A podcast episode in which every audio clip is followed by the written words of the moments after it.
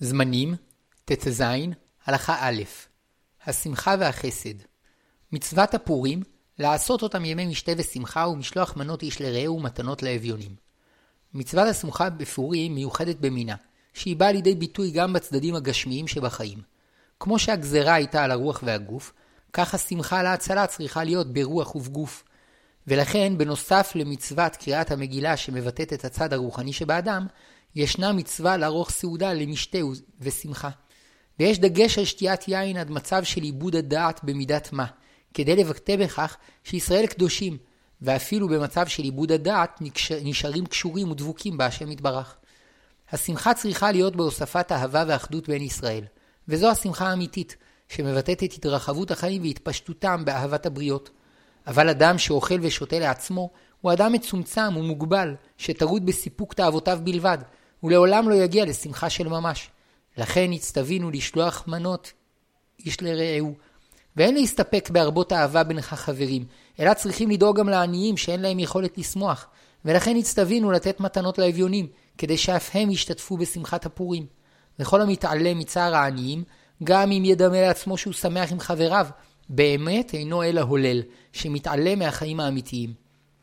הוא בורח מהמחשבות על הצער שבעולם, ורק כך הוא מצליח לעשות את עצמו שמח לזמן מה. אבל המציאות הקשה הרי לא תיעלם בעת שישתה יין וישתכר, ולכן בתוכו פנימה הוא יודע שלא מגיע לו להיות שמח, והוא נותר עצוב. אבל מי שדואג לשמח את העניים והמסכנים, יש ערך לחייו, והוא יכול לשמוח באמת ובצדק, וזהו שנצטווינו לתת בפורים מתנות לאביונים. זמנים, ט"ז, הלכה ב' אחדות ישראל בפורים. פורים הוא יום מיוחד לגילוי אחדותם של ישראל. גזירת המן הרשע הייתה כנגד כל ישראל, בלא הבדל בין צדיקים ורשעים, עניים ועשירים. ומתוך מגמתם של שונאי ישראל אפשר ללמוד שסגולת ישראל קיימת בכל יהודי, ועל כן רצו להרוג את כולם. והקדוש ברוך הוא הציל את כולנו. והפך לנו את היגון לשמחה, ולכן השמחה בפורים צריכה לכלול את כל ישראל, וכפי שנצטווינו לשלוח מנות איש לרעהו ולתת מתנות לאביונים. יתר על כן, מפני הפירוד שהיה בישראל יכול היה המן הרשע לבוא ולקטרג, וכך רמוז בדבריו למלך אחשורוש, ישנו עם אחד מפוזר ומפורד בין העמים, בכל מדינות מלכותיך, אם על המלך טוב ייכתב לאבדם. וכן הפרת הגזרה נעשתה על ידי ההתאחדות, כמו שאמרה אסתר למרדכי, לך כנוס את כל היהודים הנמצאים בשושן, וצומו עלי ואל תאכלו ואל תשתו שלושת ימים, לילה ויום. ומתוך כך נתבטלה הגזרה. והאחדות היא תנאי לקבלת התורה. וכמו שנאמר במתן תורה, וייחן שם ישראל נגד ההר. ופרשו חז"ל כאיש אחד בלב אחד, כדי שיאהבו זה את זה ויקבלו את התורה. ואז אמר הקדוש ברוך הוא, הרי שעה שאני נותן תורה לבניי. וכמו שספר תורה שחסרה ממנו אות אחת כולו פסול, כך אילו היה חסר יהודי אחד משישים ריבו יהודים שעמדו במתן תורה, לא היינו זוכים לקבל את התורה. וכן בפורים, על ידי הגזרה שייחדה את כל ישראל, נגאלנו ואף זכינו לקבל מחדש את התורה, כפי שאמרו חז"ל, שחזרו ישראל וקיבלו את התורה מאהבה בימי אחשורוש. וכך בכל שנה, מתוך האחדות שמתגלה בפורים, הננו יכולים לשוב ולקבל את התורה בשמחה. שבת, ט"ז, הלכה ג' מתנות לאביונים. מצווה על כל אדם מישראל שייתן מתנות לאביונים בפורים. ובשתי מתנות, מתנה אחת לכל אביון, יוצא ידי חובתו. וכל המרבה ממתנות לאביונים הרי זה משובח. המתנה יכולה להיות כסף או דבר מאכל, אבל לא ייתן בגדים או ספרים, מפני שיש אומרים שהמתנות צריכות להיות מדבר שאפשר ליהנות ממנו בסעודת פורים, ועל כן יש לתת מאכלים או כסף שאפשר לקנות בו מאכלים. ואף שהמתנה צריכה להיות ראויה לסייע לסעודת פורים, לאביון מותר לעשות במתנה מה שירצה, ואין הוא חייב להשתמש בה דווקא לצורכי סעודת פורים.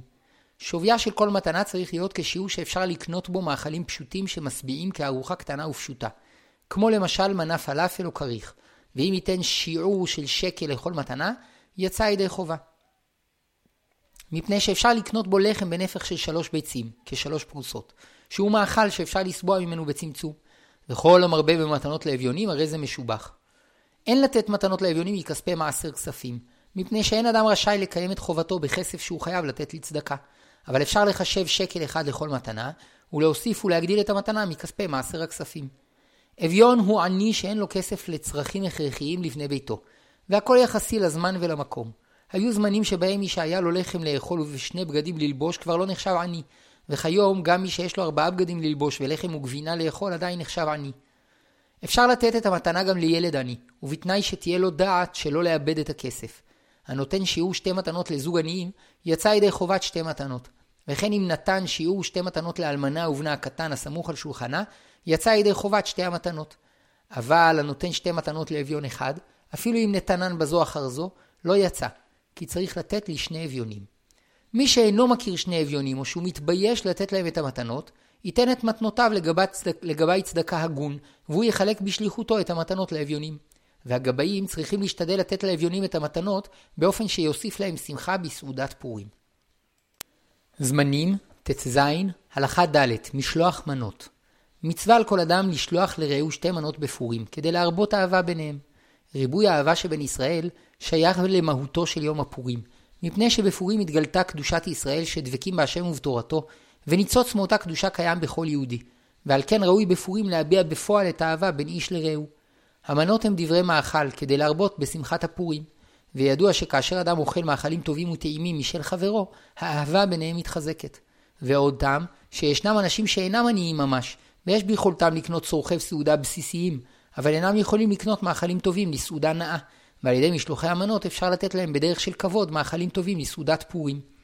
הדין הוא שבשתי מנות שאדם שולח לרעהו יוצא ידי חובתו, ותקנו לשלוח לכל הפחות שתי מנות, כדי להביע בהן את האהבה, כי במנה אחת אפשר להועיל לחבר שלא יישאר רעב, אבל כאשר שולחים לחבר שתי מנות, רוצים שהוא גם ייהנה בגיוון המאכלים. וכל המרבה במשלוח מנות כדי להרבות באהבה ואחווה לשלום ורעות בינו לרעיו, הרי זה משובח. זמנים, ט"ז, הלכה ה' באיזה מנות מקיימים המצווה. שתי המנות צריכות להיות שונות זו מזו, כמו למשל לחם ובשר, או בשר ואורז, או דג וביצים, או עוגות ותפוחים, וכן אפשר לשלוח שתי מנות של בשר בטעמים שונים, כגון מנה אחת מבושלת והאחרת צלויה, או שתי שתיהן מבושלות אבל מאיברים שונים, שעל ידי כך טעמן וצורתן שונים. וכן אפשר לשלוח שני מיני, מינים של עוגה, ובתנאי שיהיו שונים בטעמם ומראם. השולח לחברו בגד או ספר, אף שהם בוודאי משמחים ומבטאים אהבה, לא יצא ידי חובתו, מפני שהמנות צריכות להיות בדברי מאכל. אמנם לאחר שאדם קיים את מצוותו בשתי מנות של מאכלים, יכול אם ירצה להוסיף עוד מתנות כדי להרבות באהבה ואחווה. השולח עוף חי לחברו, לא יצא ידי חובתו, מפני שאינו ראוי לאכילה, כי צריך לשוחטו ולחותכו ולמולכו ולבשלו. ואפילו אם שלח בשר חי שעדיין לא בושל, יש אומרים שלא יצא ידי חובתו, אלא צריך לשלוח מנות מוכנות לאכילה.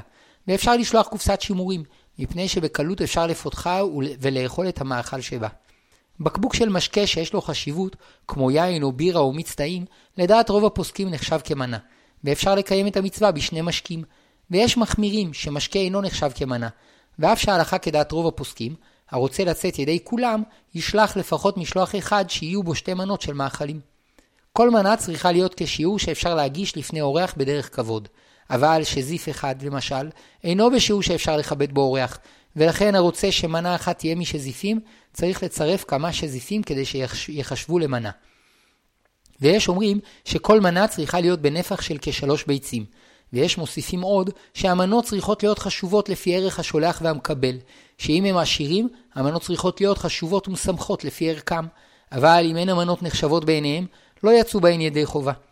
ולכתחילה ראוי להקפיד שאכן בכל מנה יהיה כשיהיו שלוש ביצים לפחות, ושהן יהיו חשובות ומכובדות בעיני השולח ובעיני המקבל.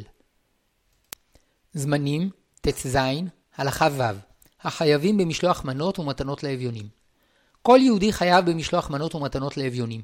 ואף שנשים פטורות ממצוות עשה שהזמן גרמן, כיוון שאף הן היו באותו הנס, אף הן מחויבות במצוות הפורים. ומפני הצניעות יש להקפיד במשלוחי המנות, שאישה תשלח לאישה, ואיש ישלח לאיש. אבל במתנות לאביונים אין צריך להקפיד בזה, כי בנתינת צדקה אין כל כך קירוב דעת. גם אישה נשואה חייבת במצווה. נמצא אם כן, שזוג נשוי חייב לשלוח שני משלוחי מנות, אחד מהאיש ואחד מהאישה. ובכל משלוח צריכות להיות שתי מנות. ואף שבמשלוח מנות העיקר הוא קירוב הדעת שבין השולח למקבל, נראה שאין צורך לציין במפורש שמשלוח זה מהאיש וזה מהאישה, אלא מספיק שדעת השולחים תהיה שמשלוח זה של האיש ומשלוח זה של האישה. ואין כאן פגם בקירוב הדעת, שהואיל והם זוג נשוי, ברור שהמשלוח שייך לשניהם, וקירוב הדעת נעשה כלפי שניהם. למתנות לאביונים זוג נשוי צריך לתת כשיעור ארבע מתנות, שתי מתנות מהאיש ושתי מתנות מהאישה. ואין צורך שהאישה תיתן בידיה את המתנות, אלא יכול בעלה לתת את המתנות עבורה. וכן אפשר שייתן את ארבע המתנות לשני עניים, מתנה אחת ממנו ואחת ממנה לעני אחד, ומתנה אחת ממנו ומתנה אחת ממנה לעני אחר. והמנהג כיום לתת את המתנות על ידי גבאי צדקה, והוא מקבל כסף כשיעור ארבע מתנות ומחלקם בשנה, בשמם לשני עניים. ילדים שהגיעו למצוות, אף שהם סמוכים על שולחן הוריהם, כיוון שהגיעו לגיל מצוות, חייבים במצוות, במצוות משלוח מנות ובמצוות מתנות לאביונים. את משלוח המנות שעניינו להרבות באהבה, הם צריכים לשלוח במפורש בשמם, ואת המתנות האביונים יכולים ההורים לתת עבורם. גם ילדים שהגיעו לגיל חינוך ראוי לחנך למצווה. ויש שמחנכים אותם על ידי ששולחים אותם להביא את משלוחי המנות. ויש שאף נותנים להם מנות משלהם כדי שייתנו לחבריהם. ובמתנות לאביונים, יש שנוהגים לתת להם כסף כדי שייתנום לעניים, ויש שנותנים בעצמם את הכסף עבור הילדים, ובזה שמספרים להם על כך, מחנכים אותם למצוות. עני המתפרנס מהצדקה חייב במשלוח מנות ומתנות לאביונים, ואם אין לו מאכלים אלא כדי סעודתו בלבד, יחליף עם חברו, זה ישלח לזה את סעודתו, וזה ישלח לזה את סעודתו, ויצאו שניהם ידי משלוח מנות איש לרעהו, וכך יעשו לגבי מתנות לאביונים. זמנים, ט"ז, הלכה ז', זמן נתינת המתנות והמנות ושליחות בקיומם. שליחות המנ... שליחת המנות איש לרעהו ונתינת המתנות לאביונים צריכה להתקיים ביום הפורים, שנאמר, לעשות אותם ימי משתה ושמחה ומשלוח מנות איש לרעהו ומתנות לאביונים. ואם נתנם בליל פורים, לא יצא ידי חובתו. מי שלא מצא אביונים לתת להם מתנות בפורים, יפריש את מתנותיו וישמרם עד אשר ימצא אביונים, ובעצם הפרשתו הוא מקיים את המצווה. וכן גבאי שלא הצליח לחלק לאביונים בפורים את כל הכסף שנתנו לו, יחלק להם אחר הפורים. אבל משלוח מנות שייך דווקא ליום הפורים, שאז המצווה להרבות באהבה ושמחה בין רעים. ומי שהיה לבדו בפורים, ולא היה לו שם חבר לתת לו את המתנות, אינו יכול להשלים את מצוותו אחר הפורים. וכיום שיש טלפונים, ניתן לבקש מחבר שייתן עבורו בפורים משלוח מנות, ויצא בזה ידי חובה. מי שחושש שבפורים לא ימצא אביונים, יכול לתת לגבי צדקה את כסף המתנות לפני פורים. אולם יסכם כי הכסף יישאר שלו עד יום הפורים, וביום הפורים ייתן הגבאי את הכסף בשליחותו לשני אביונים. וכן מי שימצא לבדו ביום הפורים, יכול להכין משלוח מנות, ולהפקידו בידי חברו, ולמנות אותו לשליח למסור בשמו ביום הפורים את משלוח המנות לחבר אחר. זמנים, ט"ז, הלכה ח' בין משלוח מנות למתנות לאביונים. משלוח מנות נועד להוסיף אהבה ואחווה בין אדם לחברו, ועל כן השולח מנות לחברו בעילום שם לא יצא ידי חובתו. לעומת זאת, מתנות לאביונים הם כצדקה, שנועדו לעזור לעני באופן הטוב ביותר, ולכן, כשאפשר, עדיף לתת את המתנות לעניים בעילום שם. המזמין את חברו לסעודת פורים, יכול לקיים בכך משלוח מנות או מתנות לאביונים. אם הוא רוצה לקיים בזה משלוח מנות, יניח לפני חברו שתי מנות בבת אחת, ויאמר לו שזה משלוח מנות. ואם הוא רוצה לקיים בסעודתו מתנות לאביונים, עדיף שלא לומר זאת לעני, כדי שהעני יקבל את המתנה בדרך מכובדת יותר, ובאהבה ושמחה, וזו דרך מהודרת מאוד לקיום המצווה. וכן אפשר לתת לעני משלוח מנות ובו מאכלים טובים ומועילים בעילום שם, והעני לא יתבייש, ואף יחשוב שנתנו לו את משלוח המנות מתוך אהבה שאוהבים אותו ולא מפני עוניו. כך כתב הרמב"ם, מוטב לאדם להרבות במתנות לאביונים, מלהרבות בסעודתו ובשלוח מנות לרעיו. שאין שם שמחה גדולה ומפוארה אלא לשמח לב עניים ויתומים ואלמנות וגרים, שהמשמח לב האומללים האלו דומה לשכינה, שנאמר להחיות רוח שפלים ולהחיות לב נדכאים. כלומר, מצד הדין, רשאי כל אחד להחליט במה הוא מעדיף להשקיע יותר, במשלוח מנות ובצורכי סעודתו, או במתנות לאביונים. אלא שלכתחילה, הרוצה לקיים את המצווה על פי הדרכתם של חכמים, ראוי שיעדיף להרבות במתנות לאביונים, ויעשה חשבון כמה הם הוצאותיו על משלוח המנות ועל סעודת הפורים, וייתן לעניים יותר. ומי שנותן כל חודש מעשר כספים לעניים או ללומדי תורה, רשאי להחשיב גם את המעשר כספים בחשבון. ואם יחד עם המעשר כספים יצא שנתן לעניים יותר, נמצא שידר במצווה כפי הדרכת חכמים. ומתוך כך יזכה אל השמחה הגדולה והמפוארת. זמנים, ט"ז, הלכה ט' מצוות השמחה והסעודה מצווה לעשות את הפורים יום משתה ושמחה. ואומנם המצווה לשמוח נמשכת בכל משך לילו ויומו של פורים, אולם שיאה של השמחה בסעודת פורים, מפני שכך היא הדרך לבטא שמחה, בסעודה מכובדת שבתוכה מרבים בשתייה, וכך סעודה אחת. וכך היא השתייה הראויה והמשמחת שנעשית תוך כדי סעודה. לפיכך, חובה לקבוע סעודה אחת בפורים למשתה ושמחה, וצריך לקיים את הסעודה ביום, ואם עשה את הסעודה בלילה, לא יצא ידי חובתו, שנאמר לעשות אותם ימי משתה ושמחה. ואף שהחובה היא לקיים סעודה אחת ביום, מכל מקום גם בליל פורים יש מצווה לקבוע סעודה בדברים משמחים ולהרבות קצת במאכל ומשקה. ויש שנהגו לאכול בליל פורים זרעונים וקטניות, זכר למה שאכלו דניאל וחבריו ואסתר בבית המלכות, שכל המאכלים המבושלים היו אסורים, ואכלו זרעונים כדי שלא לטמא עצמם במאכלים אסורים. ובכל משך הפורים, בלילה וביום, יש מצווה להרבות בשמחה. ובכל מה שיוסיף אדם שמחה, הרי הוא מהדר במצווה. וכן נוהגים ישראל להרבות בכל משך הפורים בשירה וריקודים, בדיבוק חברים, בלימוד התורה המשמחת ובטעימת מאכלים טובים ושתיית משקאות משמחים. ואף בשני הימים של פורים יש מצווה להוסיף קצת בשמחה ומשתה. כפי שנאמר, ימי משתה ושמחה. היינו שמי שגר בירושלים יוסיף לשמוח קצת גם ביום י"ד, ומי שגר בשאר המקומות יוסיף לשמוח קצת גם ביום ט"ו. ונחזור לדיני הסעודה. צריך להכין סעודת, לסעודה בשר בהמה, שכך מקובל אצל רוב האנשים שאכילת בשר משמחת. ומי שקשה לו לאכול בשר בהמה, ישתדל לאכול בשר עוף, שגם באכילתו יש שמחה. ואם גם עוף אין לו, או שאינו חביב עליו, יכין לסעודה מאכלים טעימים אחרים וישמח בהם יחד עם שתיית היין.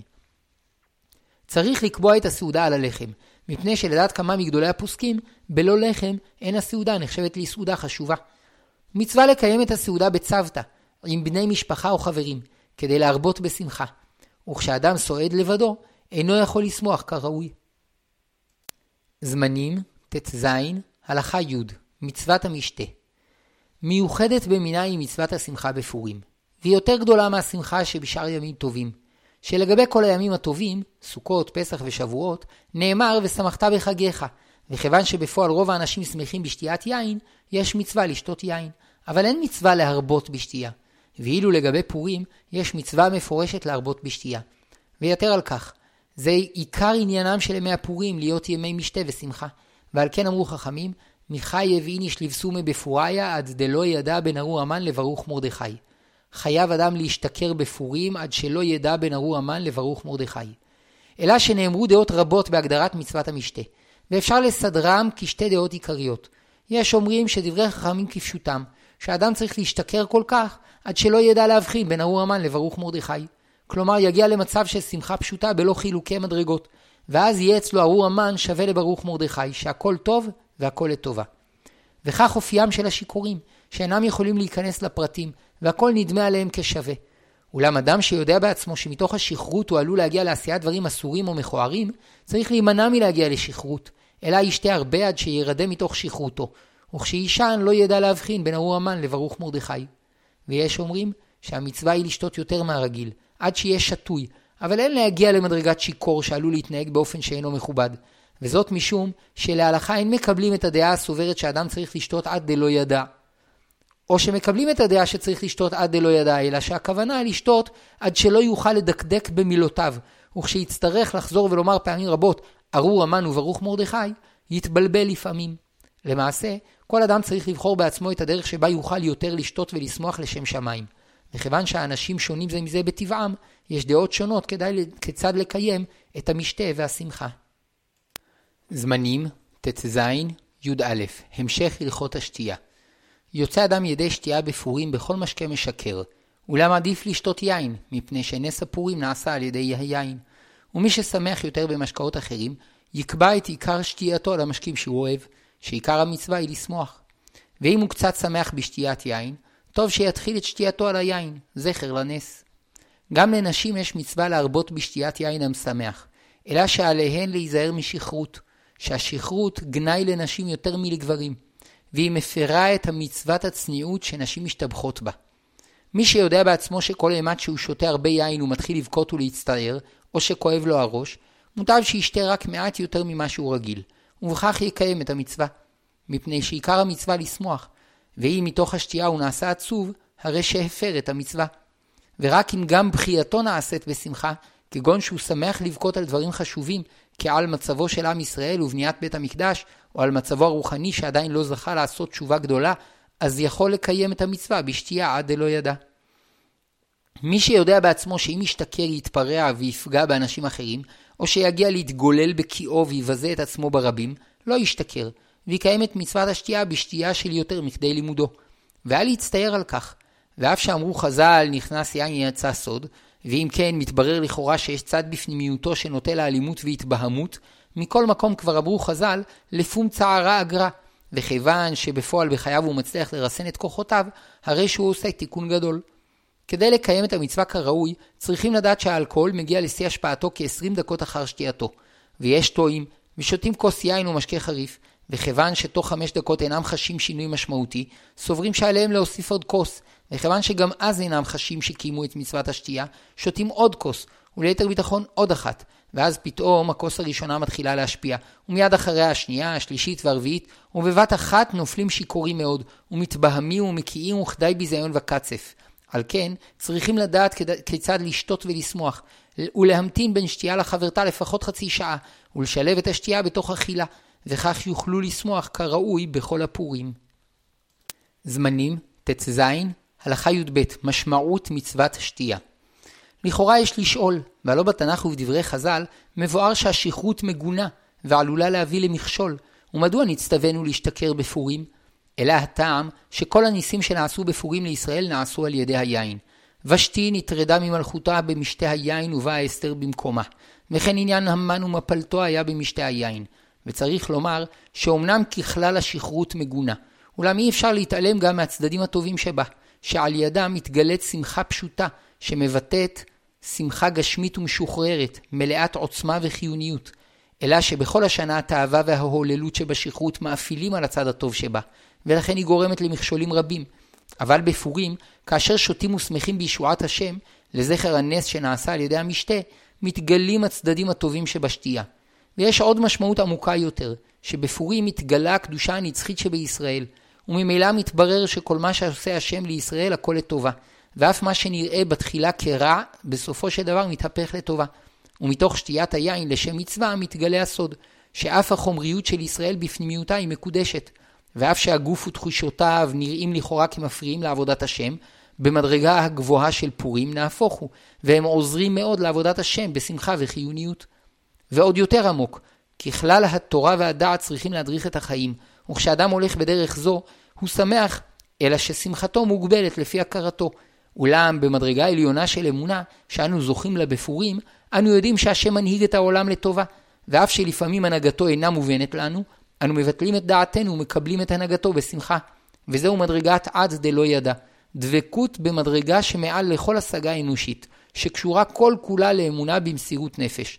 ומתוך אמונה עליונה שכזו, שהיא אמונת ישראל, מגיעים לשמחה בלא גבול. זמנים, ט"ז, הלכה י"ג, זמן הסעודה. מנהג רוב ישראל לקיים את סעודת הפורים אחר הצהריים, אחר תפילת מנחה. מפני שעד הצהריים עוסקים במשלוח מנות איש לרעהו ומתנות לאביונים, ומהדרים בהבעת אהבה וידידות כלפי בני המשפחה והחברים. ובצהריים נכון להקדים להתפלל מנחה לפני הסעודה, שאם יתחילו בסעודה לפני שיתפללו מנחה, יש חשש שלא יוכלו להתפלל אחר כך מנחה מפני השכרות. ויש מאחרים מאוד, ומתחילים את הסעודה סמוך לשקיעת החמה, ואת רוב הסעודה מקיימים בלילה.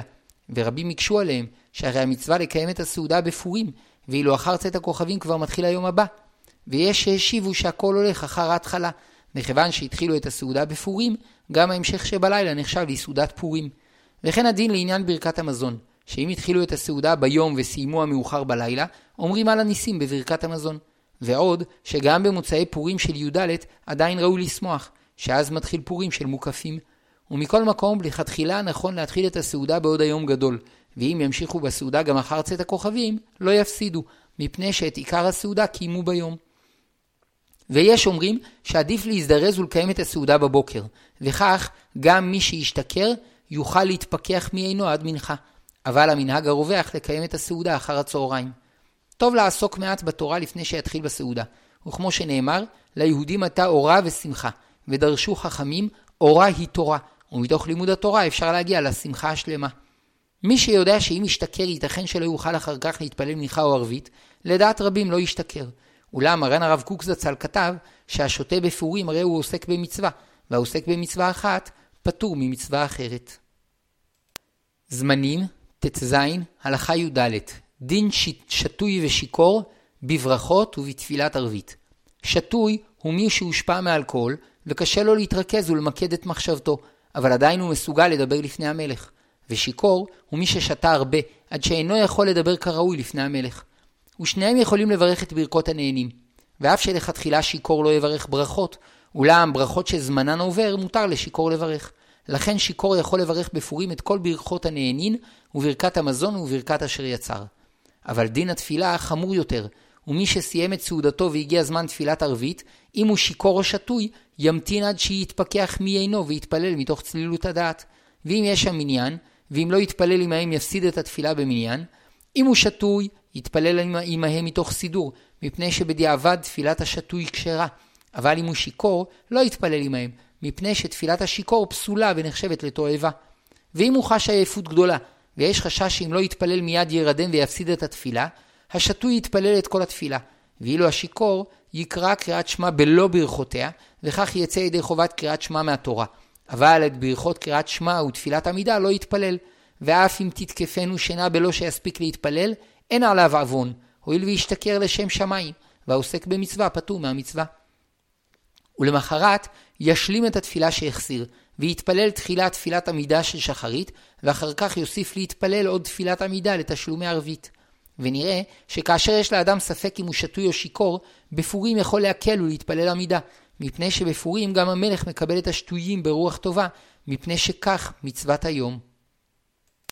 זמנים ט"ז, הלכה ט"ו, זמן הסעודה בפורים שבערב שבת. כאשר פורים חל בערב שבת, נוהגים לכתחילה להתחיל את הסעודה לפני הצהריים, משום כבוד השבת.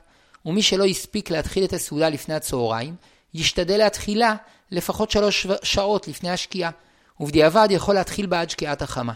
ומכל מקום, אם התחיל בסעודה סמוך לשבת, ישתדל למעט באכילתו, כדי שיוכל לאכול בסעודת ליל שבת בתיאבון. ויש עוד מנהג, לחבר את סעודת פורים עם סעודת ליל שבת. ויש מהגדולים שנוהגים בו, ויש אומרים שאין לעשותו אלא בדיעבד. וכך הוא המנהג. מתפללים תפילת מנחה לפני הסעודה, ומתחילים בסעודה ביום פורים. וכחצי שעה לפני השקיעה מקבלים את השבת בהדלקת נרות השבת. ופורסים מפה על הלחם, ומקדשים על היין קידוש של שבת. וכיוון שכבר בירכו על היין בסעודת פורים, ידלגו בקידוש על ברכת בורא פרי הגפן. ואחר הקידוש ממשיכים בסעודה, וצריכים לאכול כביצה פת ולכל הפחות כזית לשם סעודת שבת. ובסיום הסעודה אומרים בברכת המזון רצה והחליצנו, ועל הניסים מוסיפים בתוך הרחמן שבסוף ברכת המזון, ואחר הסעודה מתפללים ערבית. זמנים ט"ז, הלכה ט"ז, תחפושת ואיסור לא ילבש. נהגו רבים ללבוש מסכות ולהתחפש בפורים, ואף שאין לכך מקור בדברי חז"ל, וגם בספרי האחרונים לא כתבו שצריך להתחפש, מכל מקום נאמרו הסברים שונים למנהג. הראשון, להרבות בשמחה, כי ההופעה המשונה מצחיקה ומשעשעת. ועוד, שעל ידי היציאה של האדם משגרת לבושו, הוא יכול להשתחרר ולשמוח ולגלות את אהבתו לחבריו. ועוד, שהלבושים החיצוניים השונים גורמים לפירוד, ועל ידי החלפת הלבושים נופלות המחיצות ומתרבה האחדות. ועוד, שעל ידי התחפושת אנו נעשים מודעים עד כמה אנו מושפעים מהחיצוניות, ומתוך כך אפשר להתבונן בפנימיות שמתגלה בפורים. ועוד רמז בתחפושת, שגם כאשר ישראל נראים כלפי חוץ כגויים, בפנימיותם הם נשארים יהודים, כפי שהתברר בפורים. כתב מערין מינץ שנהגו בבתי גדולים וחסידים באשכנז, שהיו מתחפשים וגברים לבשו בגדי נשים ונשים בגדי גברים. וכתב שאין לערער אחריהם, ובוודאי אין בזה חשש, חשש איסור, משום שכל איסור לא ילבש הוא כאשר מחליפים את המלבושים למטרת ניוף ופריצות, אבל כאשר המטרה לשמחה, אין איסור. וכתב הרמה שכך המנהג. אולם לדעת רוב הפוסקים, אסור לאיש להתחפש לאישה, ואסור לאישה להתחפש לאיש. ועל פי זה כתבו הרבה אחרונים שיש למחות ביד הלובשים בגדי המין השני, וכן נהוג לנהוג, נכון לנהוג. ויש אומרים שאם החליף רק בגד אחד ומשאר בגדיו עדיין ניכר מינו, אין למחות בידו.